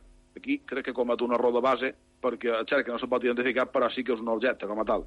Però bé, para finalizar, diu, decir que en YouTube estos vídeos son caldo de cultivo para conspiracionistas y desinformadores que aumentan el, conocimiento, el desconocimiento de la población. Es vital que todo el mundo revise las fuentes de todo aquello que lee o ve en Internet y que no se crean lo primero que ven por YouTube. Los divulgadores trabajamos día y noche para entretener y enseñar a miles de personas y con un vídeo como este, muchas de esas horas de trabajo acaben en la basura. Fa referència a vídeos que, que penjava la gent damunt aquestes, aquests delmiraments.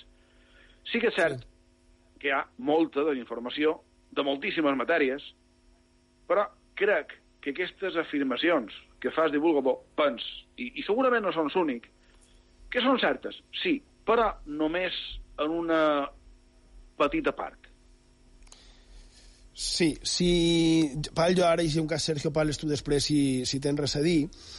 Mm, ja hi ha una cosa en la que estic totalment d'acord. Eh?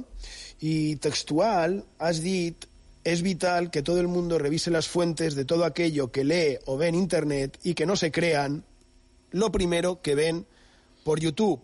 I és cert, és vera, evidentment, eh? no només a YouTube, sinó, sempre ho hem dit a, a Font de Misteris, a, a, a molt, a molt d'altres jocs, eh, un sempre ha de qüestionar la veracitat del que està veient. No? no ens hem de creure tot el que ens posen davant. Tampoc sé qui és aquest investigador en el que no has dit el seu nom i, i en el que fa referència a aquesta notícia, però també me sorprèn que encara hi hagi gent que doni per suposat que el fenomen ovni, és a dir, l'observança de llums o de coses, per, per dir-ho així a, a la grossa, eh? coses que, que sembla que estan volant, eh, no, no ho sé, que, que es doni per suposar que simplement és una qüestió ridícula o que és motiu de riure o pitjor encara de fer befa no? de, de qui ho està contant. I dic que és sorprenent perquè tal i com varen dir ja fa temps, fins i tot el Pentàgono, en els Estats Units, dedicaven de manera oficial fins fa molt poc temps, una gran quantitat de dobbers, de sous. Estem parlant de milions de dòlars, eh? a part d'esforços de personal, tecnològics, etc, per tractar de saber què eren aquelles coses que nosaltres coneixem com a ovnis. Era això era el que es coneixia com a Programa Avançat d'Identificació d'Amenaces Aeroespacials. Que un diu, un diu, això no seria feina del seu departament militar d'aviació, d'aquestes coses, no? Dic jo. Perquè aquí en el nostre país és l'exèrcit de Saires que s'encarregaria d'aquestes coses. Però ells tenien oficialment aquest departament, que per cert, ja aquí som, Mm, hi ha qui diu que encara el tenen, però que l'han amagat, que no el fan públic ara. Eh? Aquí ja entraríem en teories, però, amb això.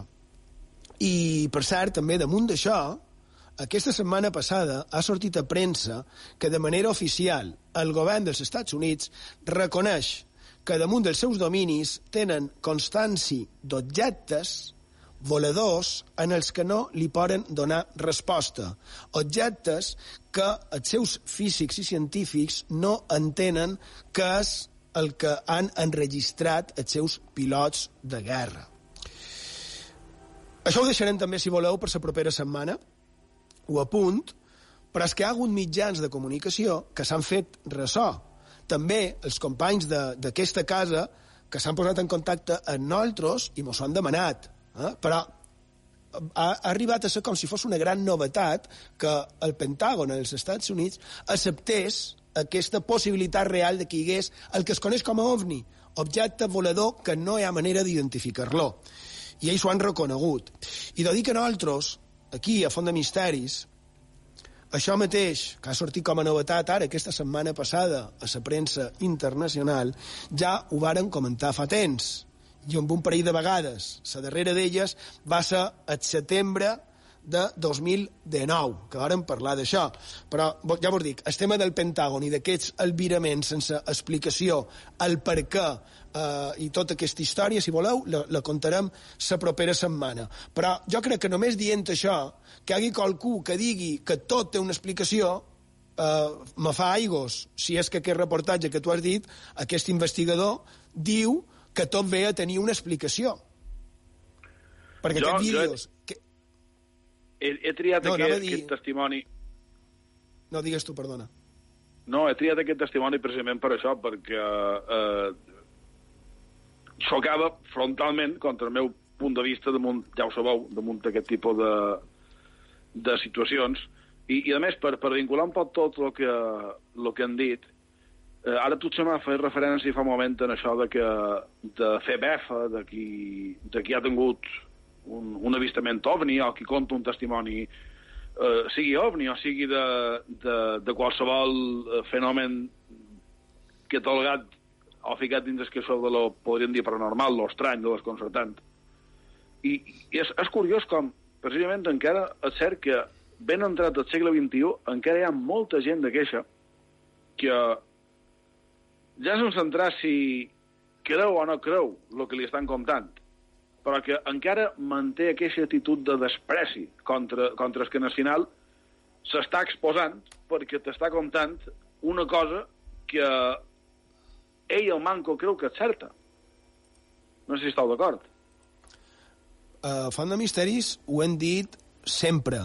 Qualsevol testimoni que de manera seriosa ens fan arribar, el tractam com el que és un testimoni. Una persona, a, a qui sigui, ha vist qualque cosa. Després està que pugui tenir o se li pugui trobar una explicació i que mm, no hagi estat un, no ho sé, uh, un, simplement un reflexe, que pot ser que ho sigui, però que la persona que ho diu seriosament mai s'ha de perdre respecte, perquè aquesta persona verdaderament ho ha vist. No se pot posar en dubte que ho hagi vist. Després està tot dir que tingui explicació. I quan no té explicació, passa el que, el que han dit del Pentàgon, no? que públicament, que va ser per una filtració, ja ho comentarem, però eh, el Pentàgon ho reconegui públicament. No? Eh, això és el que jo penso. Allò, allò, Xema i Borja, me sorprèn que encara mos sorprenguem, que l'opinió pública se sorprengui de que existeixen aquests casos, perquè realment ja s'han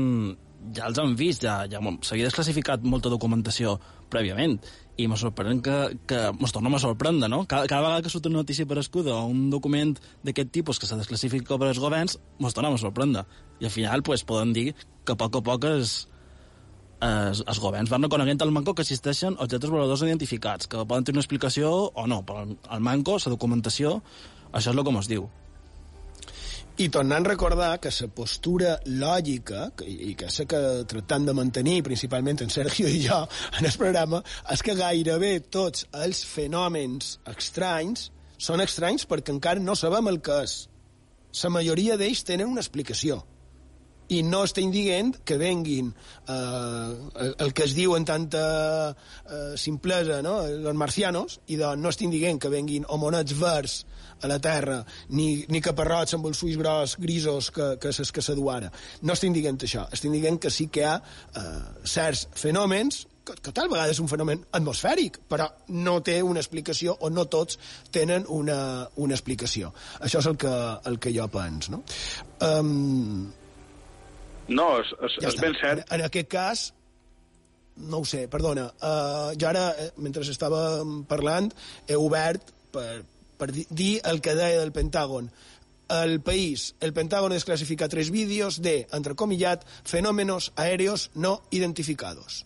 Això és eh, publicat pel País dia 28 d'abril del 2020. Eh? En aquest mateix vídeo que, que s'ha publicat aquesta setmana, nosaltres ho vàrem comentar abans, però pel fet és, és el mateix. ¿no?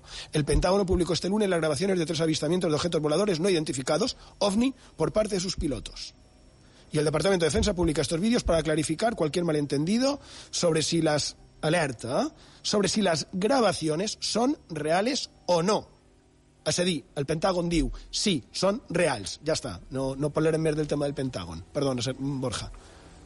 No, anava a dir, ara, ara m'ha pareix molt curiós aquesta, aquesta frase de, de lo dels Pentàgon, que, no, que ja han dit que la comentaré la setmana que ve, però que això de que, de que assegurin que és cert. Va, fantàstic. Però tornant en el tema de, de lo de l'avantguàrdia, eh, i tornant a lo que deies tu, eh, un testimoni és un testimoni, sigui o no sigui cert, perquè la persona, en principi, si no va en cap tipus de malícia, eh, ha de tenir un respecte i ha de tenir un crèdit. I si, de fet, si m'ho permeteu, també fer un poc sacudit, un poc el, joc, crec que eh, mantenir aquesta actitud encara de, de despreci, de, de befa, d'enriure-se de, d'aquell que té interès per un tema no habitual, un tema paranormal, un tema estrany, crec que és molt de, de 1995, no? No sé si esteu també d'acord és, és una, bona, una bona manera de, de resumir-lo. M'ha agradat. Uh, mos, crec que mos quedem amb això. Si vos sembla, feim una petita pausa i tot una continuam. Aquí, a Font de Misteris, a IB3 Ràdio.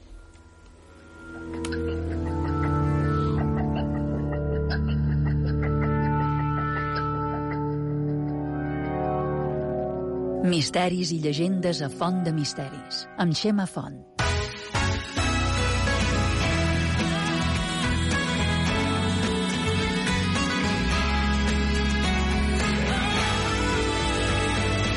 Escoltau la ràdio pública de les Illes Balears.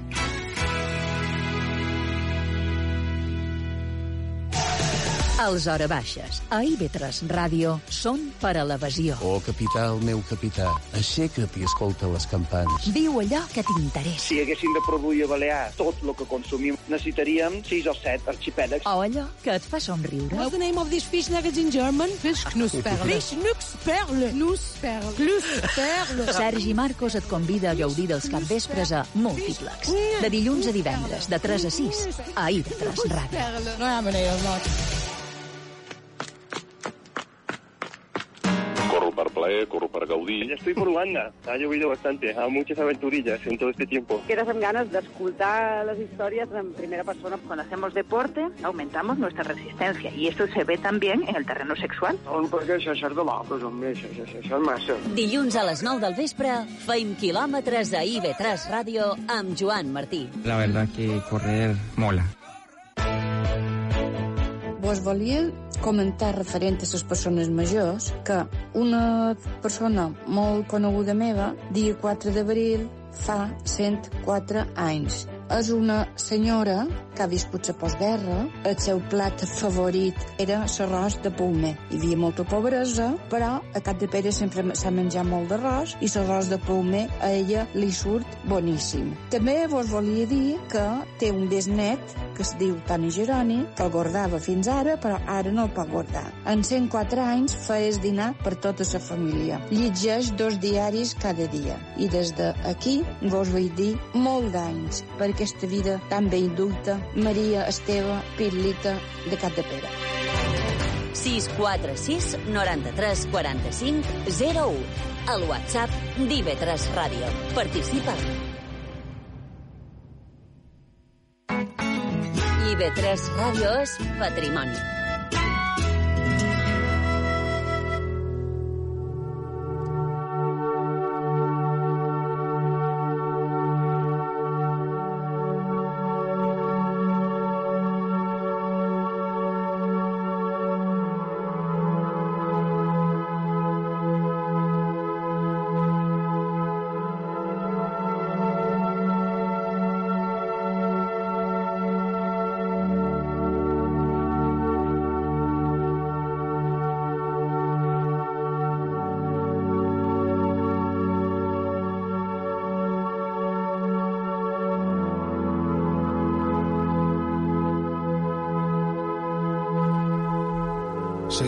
Font de Misteris, a sintonia d'IV3 Ràdio, la ràdio pública de les Illes Balears, a través de la xarxa, a través d'internet. Mos podeu trobar a iv3tv.com, els tres en, en número.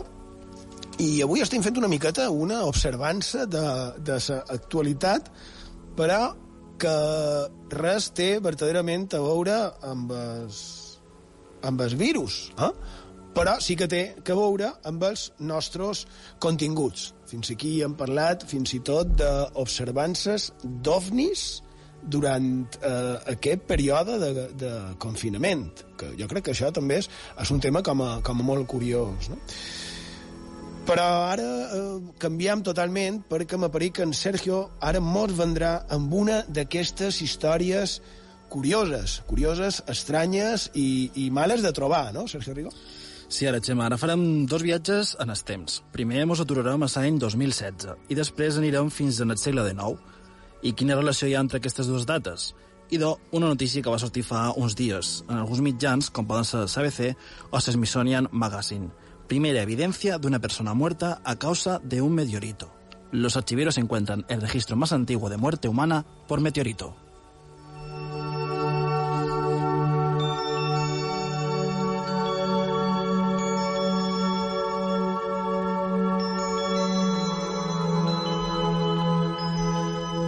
Com hem dit, mos aturem a l'any 2016.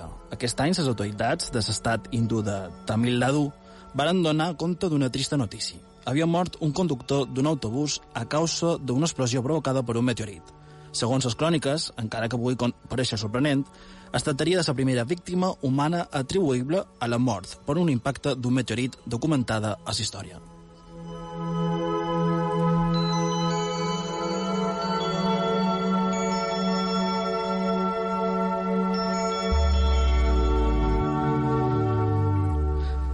Han dit que mos pot pareixer estrany, efectivament, perquè si ens poden sonar històries de persones mortes a causa de meteorits, però molt més enrere en els temps, com per exemple a la Bíblia. Per documentar la mort d'aquest home l'any 2016 havia estat la primera, però això ha canviat fa unes setmanes gràcies a un estudi que han conegut titulat, ja està en anglès, que seria una cosa així com La evidencia más temprana d'una muerte y herida por un meteorito, i que està publicat per la revista Meteoritics and Planetary Science, el passat 22 d'abril.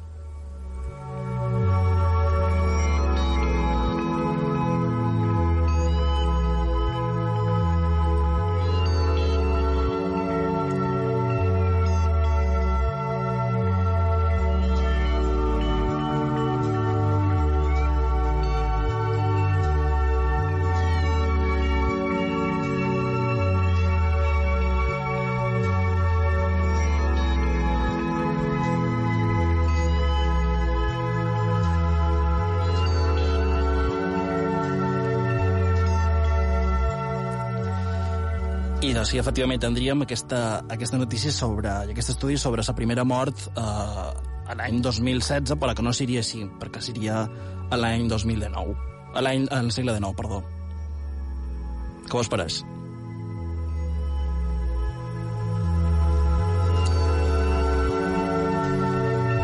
Estava... Estava pensant en sa, en sa diferència entre aquest cas i el cas Tunguska. M'he anat en el de, de, de Tunguska. A Tunguska va caure un meteorit que se va carregar a prop de la meitat de la superfície de les nostres illes. 2.500 metres, més quilòmetres quadrats, vull dir, i ho va arrasar. Però sembla que no va haver morts perquè va, va ser a Sibèria.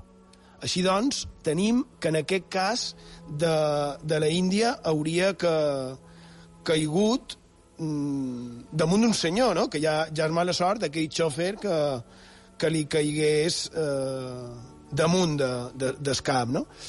Crec que és molt sorprenent, però el cas de Tunguska no va haver morts, no, per Garrigó?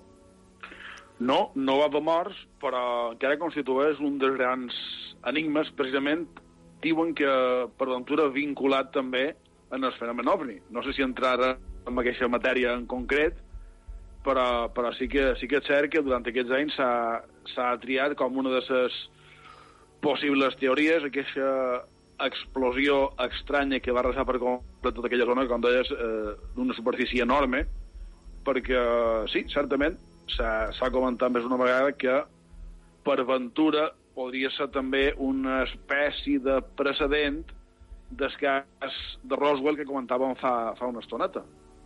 Queda un poc a l'aire, evidentment, però és una de les hipòtesis que han anat circulant. I tant a l'aire perquè estem parlant de dels, com es diu, dels de la caiguda directament de meteorits, eh? no d'altres opcions ni, ni d'altres possibilitat, no? Um, I jo, si Sergio vols, Rigo. Sí, si vols, però seguim, seguim amb això, perquè ara anem a fer la segona aturada en aquest viatge en el temps. I ens anem a conèixer el que diu aquest estudi que han citat. Ara ens anem en el segle XIX i concretament a Turquia.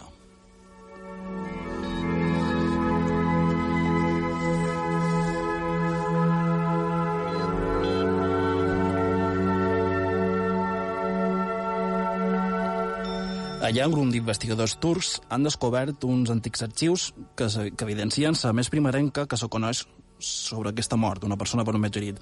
L'estudi diu, cualquiera de las fuentes dadas en la sección de introducción, posant com ejemples el cas de l'any 2016, no puede probar tanto un hombre asesinado por un meteorito como hasta ahora. De acuerdo a este manuscrito, de un artículo científico, un impacto de meteorito cerca de Sulain Naminya creó una bola de fuego o piedra de fuego el 10 de agosto, jueves, a las 8.30 pm. Una fuerte luz brillante estaba acompañada de humo y viajó, va caure, en un pueblo llamado Dilaver, que actualmente no existe, diu artículo, o no se sabe También en otro pueblo cercano llamado Jorilmar, otros meteoritos cayeron durante un periodo de unos 10 minutos, como lluvia, y los meteoritos continuaron cayendo del cielo. Como consecuencia de este evento, un hombre fue asesinado y el otro resultó gravemente herido y quedó paralizado.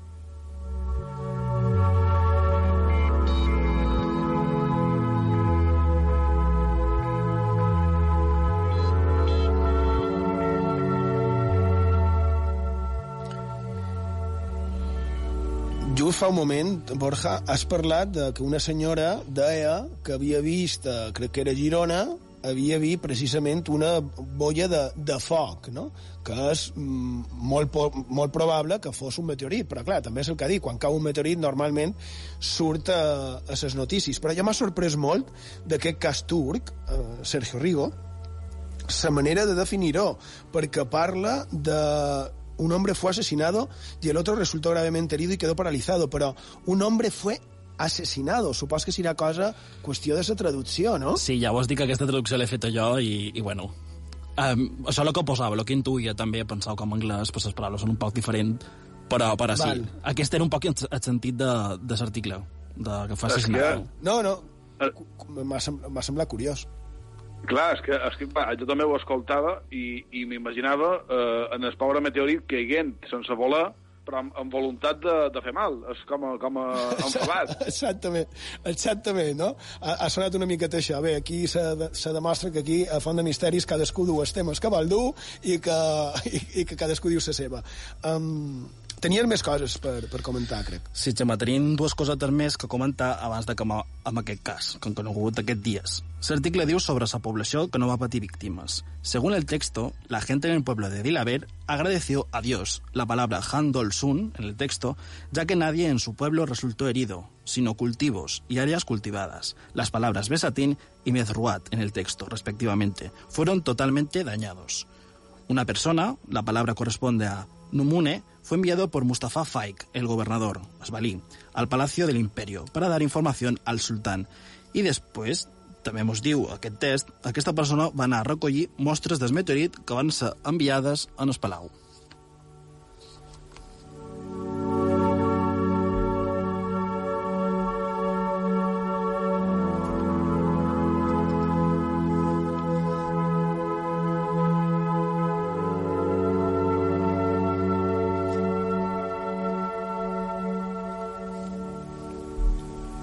És molt interessant aquest, aquest article, és molt curiós, també la manera de, de definir-ho, a part de per, per assassinat, per, per tradueix les paraules que varen trobar eh, en aquest text, no? aquest text que, que existeix, perquè és una informació que qualcú abans, amb el temps, al segle XIX, la va recollir i que la va guardar i que romanen els arxius i, i bé, i en, els, i en els llibres i que després, a, a base de trascar, un el se pot mm, trobar, no?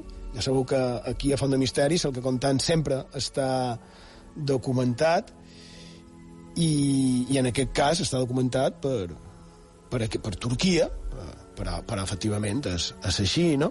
I sense sortir-nos massa del tema, i aquí a les nostres illes tenim qualque cas que afortunadament sense, sense víctimes, sí que hi ha, Sergio, qualque cas relacionat amb això. Perquè no me diguis que te pegui un llamp és mala sort, però que sigui un meteorit ja has d'estar agafat del tot, no? Mm. Bé, això tenies, m'havies dit que ho vares trobar a l'arxiu del regne, que per ser... No, uh, conta això primer, si vols, i, i jo després diré una. Sí, efectivament, Xema, tot d'una que, que vaig llegir la notícia, m'ho va venir al cap un cas molt curiós que tenim aquí a l'arxiu de Reina de Mallorca i que vaig ja trobar fa, fa un parell d'anys. A la signatura, perquè la gent ho pugui consultar, AH3691. AH3691. Ho poden llegir lo següent. Dimarts, 24 d'octubre de 1680, dissabte, dos anys, 200 anys abans del cas que, que han comentat. A Nadal vaig veure una bolla la cola causant d'admiració de vista que encara de terror ja la vista apareix d'ample 26 pams fins a 8 de llarg. Continua dient, lo mateix s'ha vist per molts de dies des del 5 de febrer de 1744 endavant, i l'últim vespre que sortí se tingué el dia següent una batalla naval entre els vaixells d'Espanya i d'Inglaterra molt sangrienta, i la guanyà a Espanya, i per Sant Jaume i Santa Anna siguent morir Felip V, rei d'Espanya.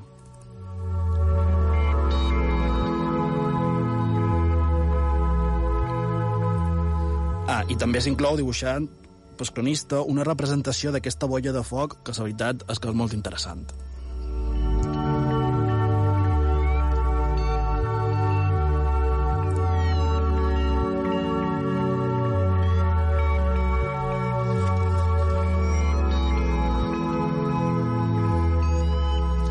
Abans de que, de que se'ns passi, ja que has dit temes d'arxiu, eh, volia dir que a partir d'aquest dilluns, dins aquest procés d'anar acabant amb aquest confinament, crec que és a partir d'aquest dilluns, no, Sergio? Que sí. ja poden obrir els nostres arxius. Per tant, és un bon moment per anar a investigar aquells documents que encara estan per descobrir, eh? com, com aquests que estic comentant eh, a Font de Misteris. I ja que estem, Sí, jo crec que mos dona temps. En relació amb tot això del que vares i del que vares contar de Menorca, Sergio, tenim a la Biblioteca Nacional d'Espanya també han tingut una iniciativa molt interessant, molt interessant a nivell arxivístic relacionada també amb el coronavirus. Sí, exacte, Xema. Fa unes setmanes, com dius, comentaven que l'Arxiu de Simatge i el So de Menorca proposava a la ciutadania una iniciativa per recopilar fotos i sons d'aquest període de desconfinament. I d'ara la Biblioteca Nacional d'Espanya fa una crida a la ciutadania amb una iniciativa similar, però relacionada amb plenes web. Diu, la Biblioteca Nacional de España, digo es Facebook, de esta institución, sigue guardando la información web relacionada con el coronavirus, en cooperación con las bibliotecas autonómicas en el marco del CCB. Se está creando un corpus de información único sobre este tema, que será referente para el estudio de lo que ha pasado en España durante esta crisis sanitaria. Es la colección de sitios web más importante hasta el momento, con, atenció, 1.434 sitios web ja recolectados i lo més sorprenent, 4 terabytes d'informació. Són molts 4 terabytes d'informació. Incluye páginas oficiales o generales, organismos públicos, partidos políticos, medios de comunicación, pero también otras surgidas de manera más espontánea, como iniciativas ciudadanas y vecinales, actividades para familias, memes. ¿Quieres ayudar? Solo tienes que enviarnos, digo Facebook, las URL a través de este formulario, que els oients que vulguin col·laborar poden trobar perfectament en el Facebook d'aquesta Biblioteca Nacional d'Espanya. Ses... No, volia dir, les URLs hauríem d'explicar què són. Són les direccions, les direccions web d'aquestes notícies, el que posam a dalt per entrar, si volen consultar fondemisteris.com, i de fondemisteris.com és una URL. Correcte, eh? perquè no hem de donar mai per suposat que la informació que estem donant eh, ningú la té per què entendre, perquè jo a lo millor no, no tenc per què saber el que és una URL. Crec que és molt interessant, crec que també aquesta, aquesta iniciativa de la Biblioteca Nacional d'Espanya eh, se li pot treure molt de profit, i, i a part, tornant amb el tema del meteorit, crec que és molt curiós, eh, crec que eh, podries donar les formes de contacte també ara per saber si qualcú ha, mm, té coneixement de qualque tipus de, de meteorit, de, de fenomen semblant en el, que, en el que tu has comentat i el que hem dit, dones la forma de contacte, si vols. I de Llosó tenim el Facebook i el Twitter cercant Font de Misteris i emprant l'etiqueta Font de Misteris i 3 També el WhatsApp del programa. El número és 659 16 69 52, 659 16 69 52. I el correu electrònic fondemisteris arroba ib3radio.com, fondemisteris arroba ib3radio.com.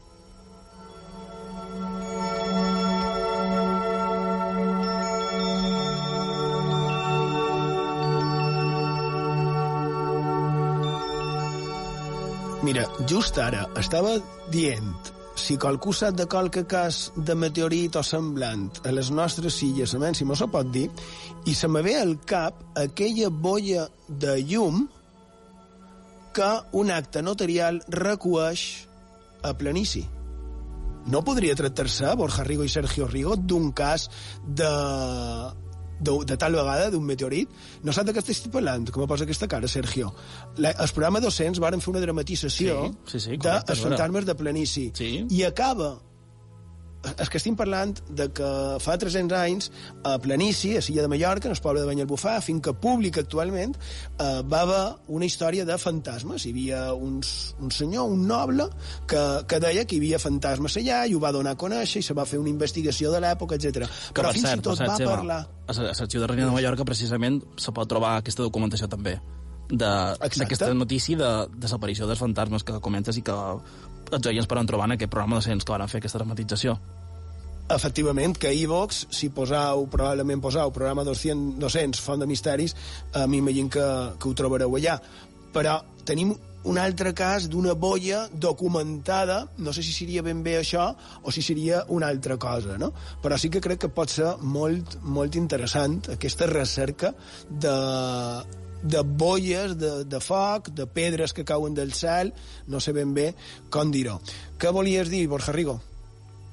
Res, que, eh, bé, d'una banda que ja crec que també vosaltres ja, ja tenim ganes de, de tornar a l'arxiu, de per a tornar a l'arxiu i reprendre una miqueta la normalitat, sigui el que sigui aquest terme. Però eh, ara, ara quan estem parlant de, de meteorits, m'ha vengut en escap, m'ha vengut en escap un, un cas molt interessant de, de meteorit, no sé si el coneixeu, de Cape York, que és un meteorit de, que, que se, se conserva a, a Groenlàndia i que fa reflexionar per allò de que ara vivim una situació complicada, ha estat molt dur, ha estat molt terrible, seguirà sent dur i terrible, però que a èpoques eh, passades la situació hauria estat una miqueta diferent a pitjor. Aquest meteorit va caure a la Terra fa uns 10.000 anys. I aquest meteorit, el que se conserva d'ell, pesa 31 tones.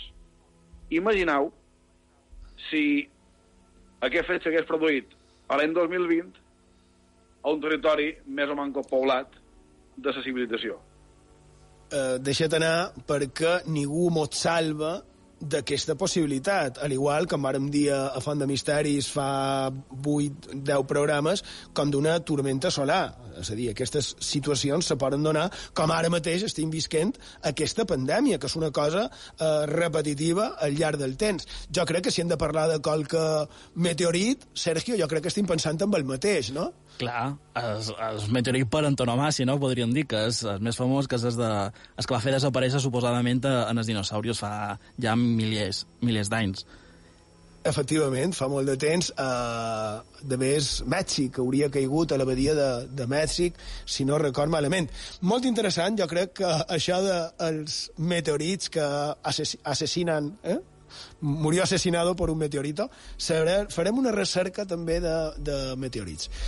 I de poca cosa més, fins a darrera pausa i tot d'una tornam aquí, a Font de Misteris, a IB3 Ràdio.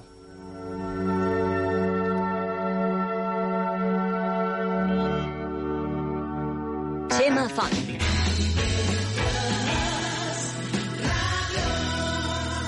Font de Misteris. Els dimecres a les 10 del vespre ens deim coses un programa d'humor a mig camí entre la realitat i la ficció, l'actualitat i la desinformació, entre el rigor i la cara dura o la poca vergonya. Vaja, com un treball de màster fet amb la Viquipèdia. Ens deim coses amb Joan Guasp, Aitor Pérez i Guillem Casals. Dimecres a IB3 Ràdio.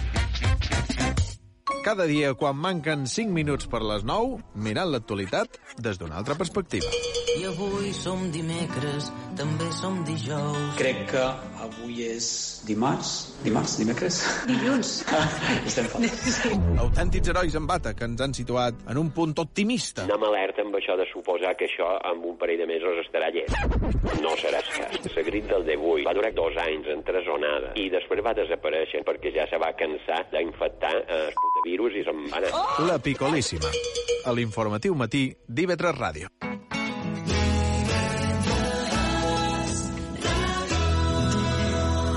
A Alcúdia, 89.2.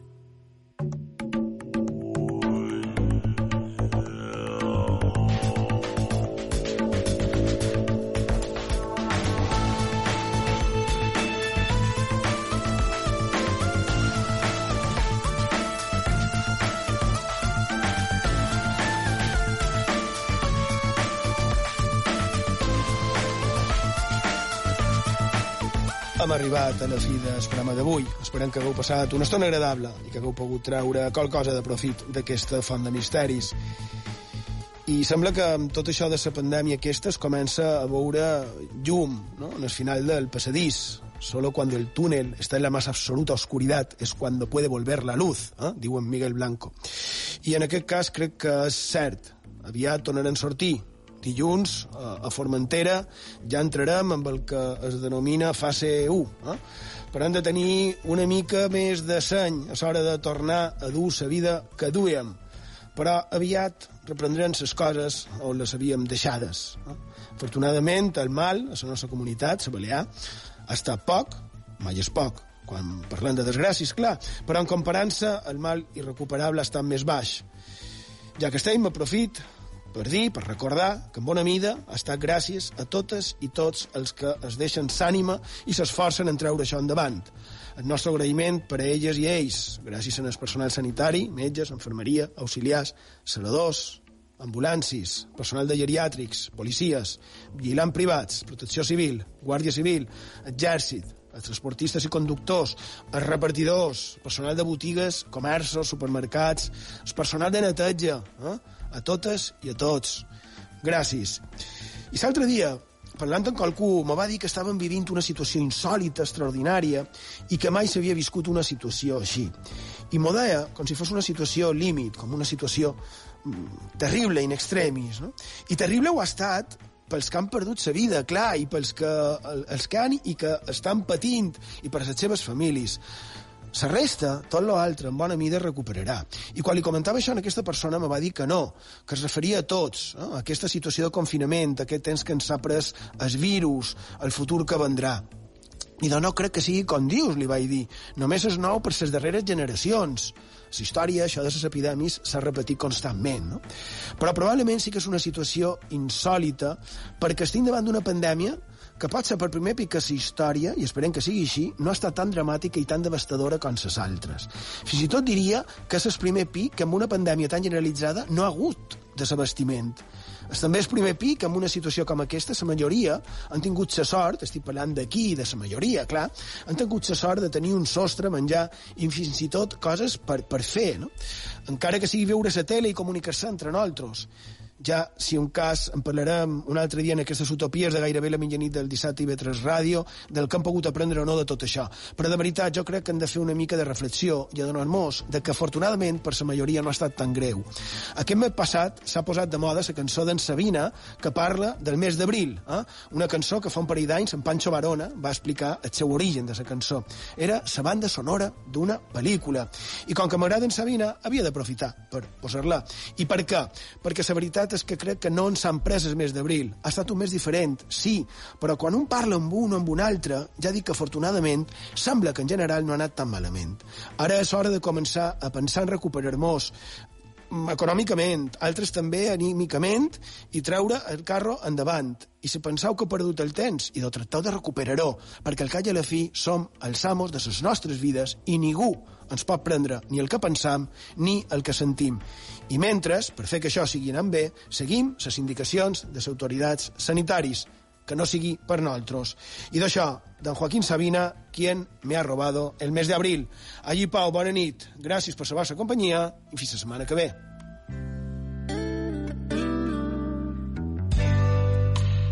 En la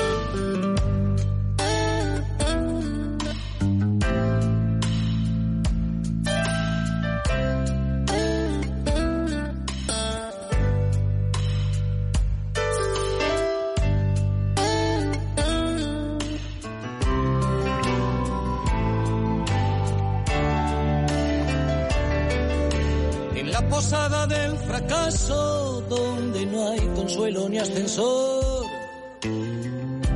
el desamparo y la humedad comparten colchón. Y cuando por la calle pasa la vida como un huracán, el hombre del traje gris saca un sucio calendario del bolsillo y grita, ¿quién me ha robado el mes de abril? ¿Cómo pudo sucederme a mí? Pero ¿quién me ha robado el mes de abril? Lo guardaba en el cajón donde guardo el corazón.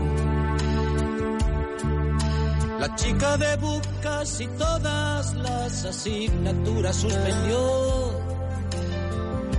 El curso que preñada aquel chaval la dejó.